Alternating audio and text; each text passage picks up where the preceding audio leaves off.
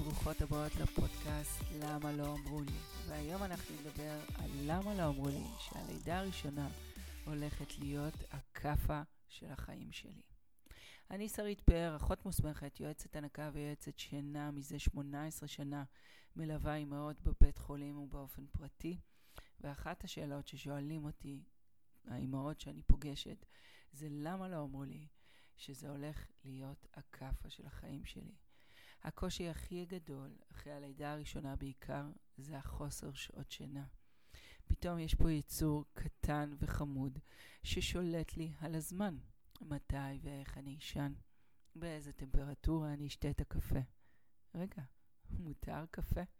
ששום דבר הוא לא באמת טבעי, לא הלידה, לא ההנקה, ובטח שלא האימהות. אם במהלך ההיריון, אם אני בזוגיות ואם אני לא בזוגיות, אני מקבלת המון תשומת לב מהסביבה, ודואגים לי ומטפלים בי, ומביאים לי, אחרי הלידה, כל התשומת לב מופנית לתינוק הקטן, ולפעמים זה בצורה שגורמת לנו להרגיש כאילו אנחנו לא קיימות. כל המתנות מגיעות לתינוק, כל הטלפונים זה מה עם התינוק, מה שלמה, איך הוא, אבל רגע, מה איתי? מה איתי? איפה אני נעלמתי בכל המשוואה הזאת? אם עד עכשיו אני שלטתי בזמן שלי ויכלתי לעשות מגוון דברים בזמני, עכשיו יש לי תינוק קטן שתלוי בי באופן מוחלט בלטפל בו, בלהיות אחראית על הבריאות שלו, באיך להזין אותו. ומאוד מאוד קל להיות, אני שמה במרכאות, אימא טובה לתינוק טוב, שאוכל וישן, ובעצם הכל מאוד זורם באופן טבעי ורגוע. אבל רוב התינוקות, או הרבה מהם, יש להם קשיים במעבר הזה מהעולה, מה, מהחיים העובריים לחיים החוץ עובריים. והדרך תקשורת שלהם היא בכי. רק שבכי אצלנו תמיד מתפרש ככאב פיזי מאוד גדול, או כאב רגשי מאוד גדול, כי זה מה שאנחנו מכירות מהעולם שלנו. ולכן כשהתינוק בוכה, אני חושבת שעשיתי לו משהו לא טוב, שכואב לו.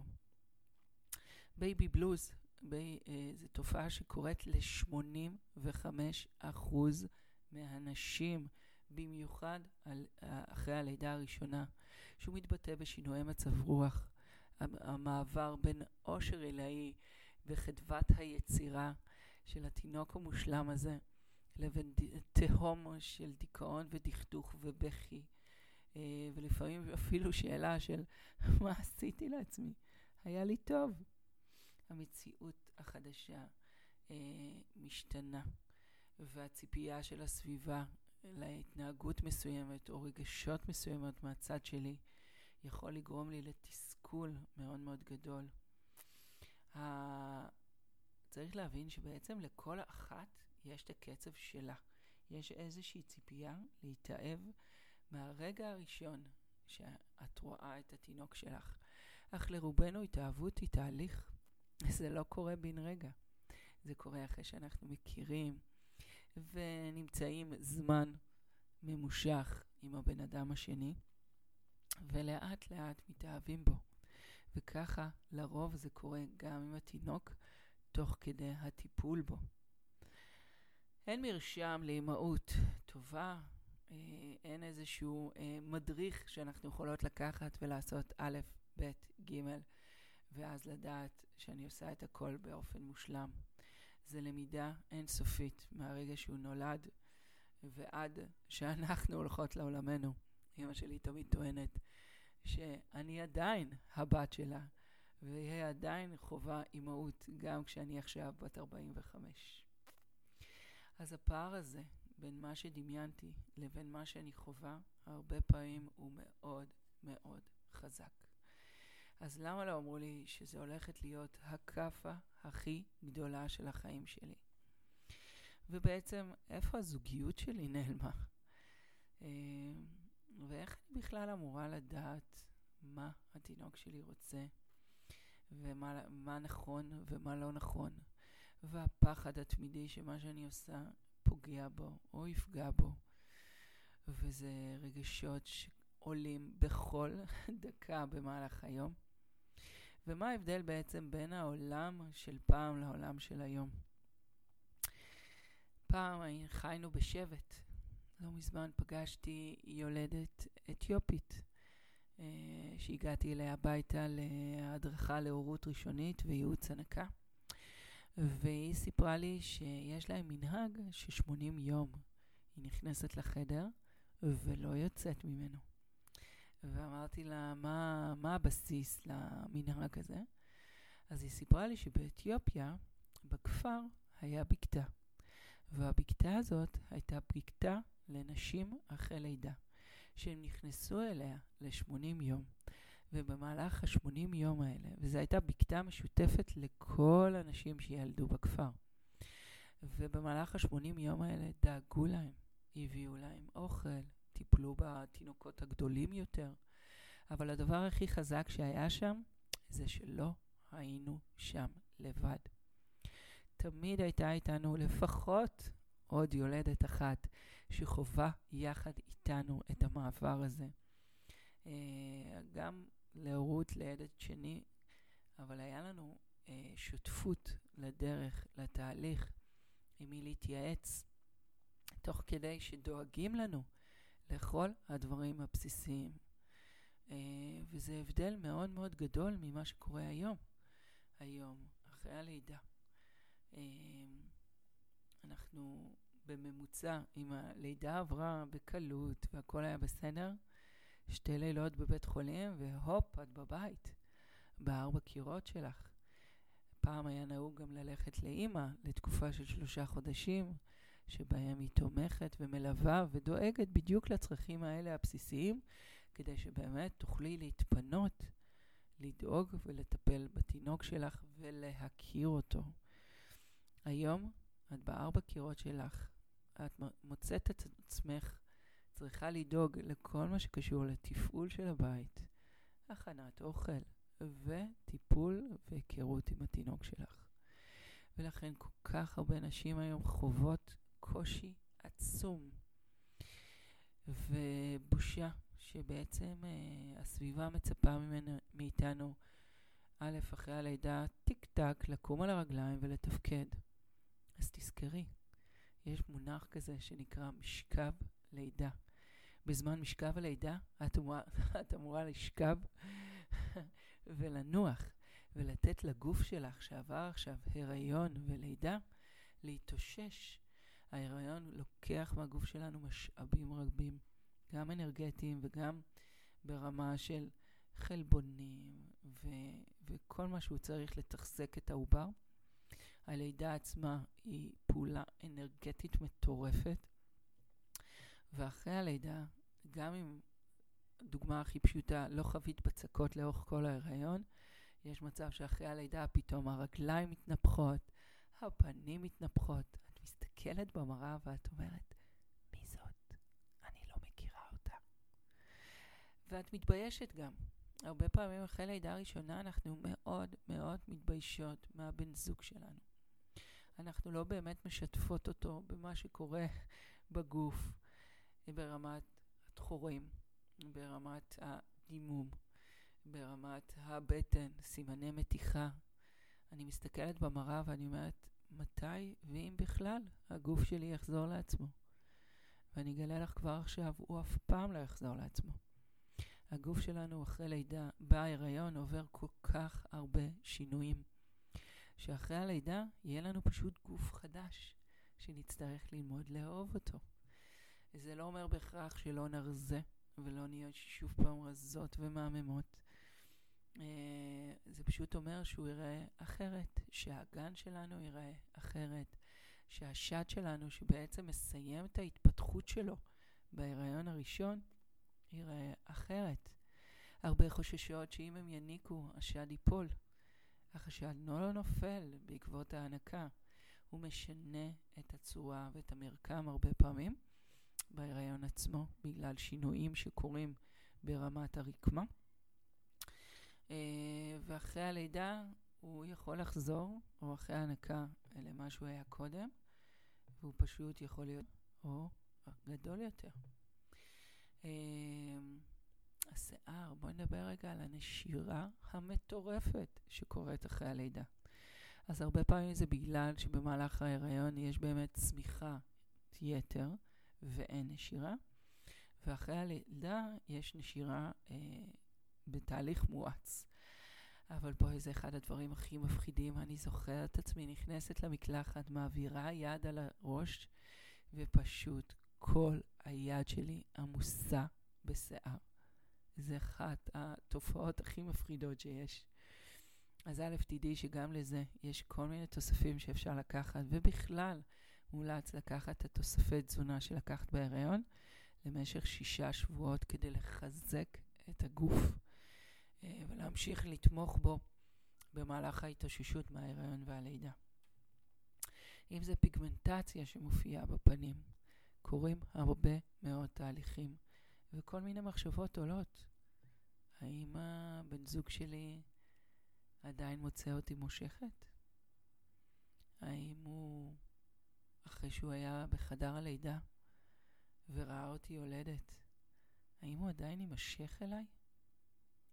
עכשיו, זה שאלות למשל שאפשר לפני הלידה פשוט לתקשר אותם עם הבן זוג. הרבה פעמים אנחנו רוצות אותו שם איתנו, אבל זה לא בהכרח הדבר הכי נכון עבורו ועבורנו בתור זוג.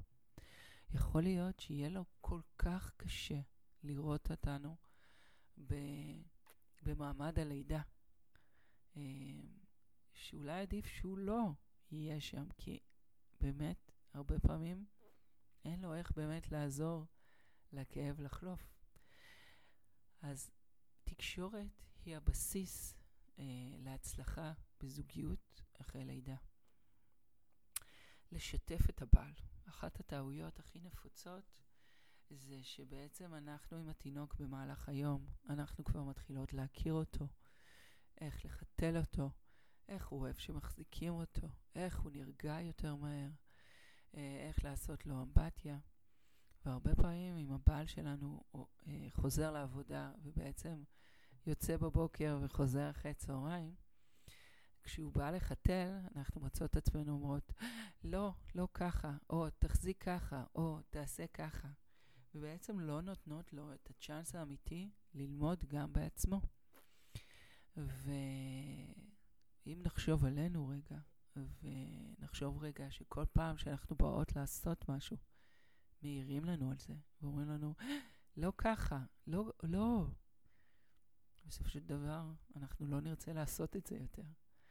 אז uh, אחת התופעות שקורות זה שהבעל מרגיש שהוא מחוץ למשחק. שהוא הביא עם אשתו את היצור המהמם והמתוק הזה, אבל הוא לא שותף במה שקורה אחרי זה. ולכן מאוד מאוד חשוב זה התקשורת והשיתוף והביחד. וגם אם את עושה את זה הרבה הרבה יותר טוב, תני לו. תני לו לעשות את הטעויות. הטעויות של איך החיתול יישב עליו, הן לא באמת טעויות של חיים ומוות. וגם אם בגלל שהוא חיתל לא בצורה מושלמת, כל הקקי ברח, והוא עכשיו חווה קקי גב בטירוף, הכל בסדר, אפשר לרחוץ את התינוק ואת הבגדים, אבל רק ככה הוא יהיה חלק, הוא יהיה שותף. לשתף אותו בקשיים, בלבטים. הוא יכול לעזור לנו, הוא יכול לתמוך בנו, וגם לזכור שהוא בדיוק כמונו, בחוויה שהיא חדשה, שגם הוא הגיע אליה עם אפס ידע לרוב. וביחד אה, פשוט לתקשר ולחוות את הדברים. אז למה לא אמרו לנו שזו הכאפה הכי גדולה של החיים שלנו? כי גם אם היו אומרים לנו, זה לא באמת היה משנה. כי אין פה באמת איזשהו תפריט או איזשהו דף הנחיות שהיה עושה את הדברים אה, מושלמים. יש דברים שאפשר להתכונן, ויש דברים שאפשר להכין מראש, בעיקר רשת תמיכה. לבדוק מי בסביבה שלך הוא באמת תומך בך, ומי בסביבה שלך את מרגישה שהוא מאתגר אותך, שהוא גורם לך להרגיש לא טוב עם עצמך. זה הרגע לשחרר אותו. גם אם זה מישהו קרוב, ופשוט פחות לאפשר ויותר לאפשר לסביבה שהיא תומכת. לעשות שיחות מוקדמות, להגיד מה נראה לך שאת צריכה. לדאוג לתמיכה, במיוחד בשבועיים הראשונים, שלא תהיי שם לבד. אם יש לך חברה שכבר עברה את זה לפני חודש, לדבר איתה. להגיד לה, תכלס, דברי, תסתכלי לי בעיניים ותגידי לי מה היה שם הכי קשה. מה היית הכי צריכה. במבט לאחור, מה היה הכי עוזר לך. ואחד הדברים שהכי עוזרים זה פשוט לא להיות שם לבד. להיות שם עם עוד חברות, להיות שם עם, עם אימא, במידה ואימא היא גורם תומך. לשתף את הבעל ואולי להחליט שגם הבעל לוקח פה חופשה של שבועיים ונשאר איתך בבית. אה, אם אפשר כמובן יותר, אז עדיף. וביחד אתם עושים את המעבר הזה מזוג לשלישייה. אתם עכשיו תא משפחתי. אה, להוריד מעצמך את כל הדברים שאת לא באמת חייבת להתעסק איתם. להציל סמכויות, לאפשר אה, למישהו אחר לעשות את הטלפונים, לאפשר למישהו אחר לבשל, לדאוג שיהיה אוכל מוכן. קדימה. קופסאות מוכנות שכל מה שאת צריכה לעשות זה לחמם. אה, לדאוג שתהיה מנקה, שתבוא לנקות. לדאוג שכל מי שיכול לעזור פשוט יהיה שם. ולהבין שזה באמת השינוי הכי גדול שתחווי בחיים. והוא יכול להיות מאתגר. והוא יכול uh, לא לעמוד בציפיות שלך עצמך, uh, ולא לצפות שהדברים יקרו באופן טבעי, כי הדברים קורים באופן טבעי כאשר אנחנו מגיל אפס גדלות לאופן טבעי הזה. שכשאנחנו ילדות קטנות, אנחנו רואות נשים יולדות. כשאנחנו ילדות קטנות, אנחנו רואות נשים מניקות. כשאנחנו בתוך החוויה הזאת מגיל אפס, המעבר הוא הרבה יותר קל, כי אנחנו כבר מכירות את המטריה, את החומר. אבל כשאנחנו נפגשות עם תינוק בפעם הראשונה כשאת יולדת, ואת אפילו לא יודעת איך מחזיקים אותו, איך מרימים אותו מהריסה, איך מלבישים אותו, איך מחתלים אותו, מה זה הטבור הזה? ומה אמורים לעשות איתו.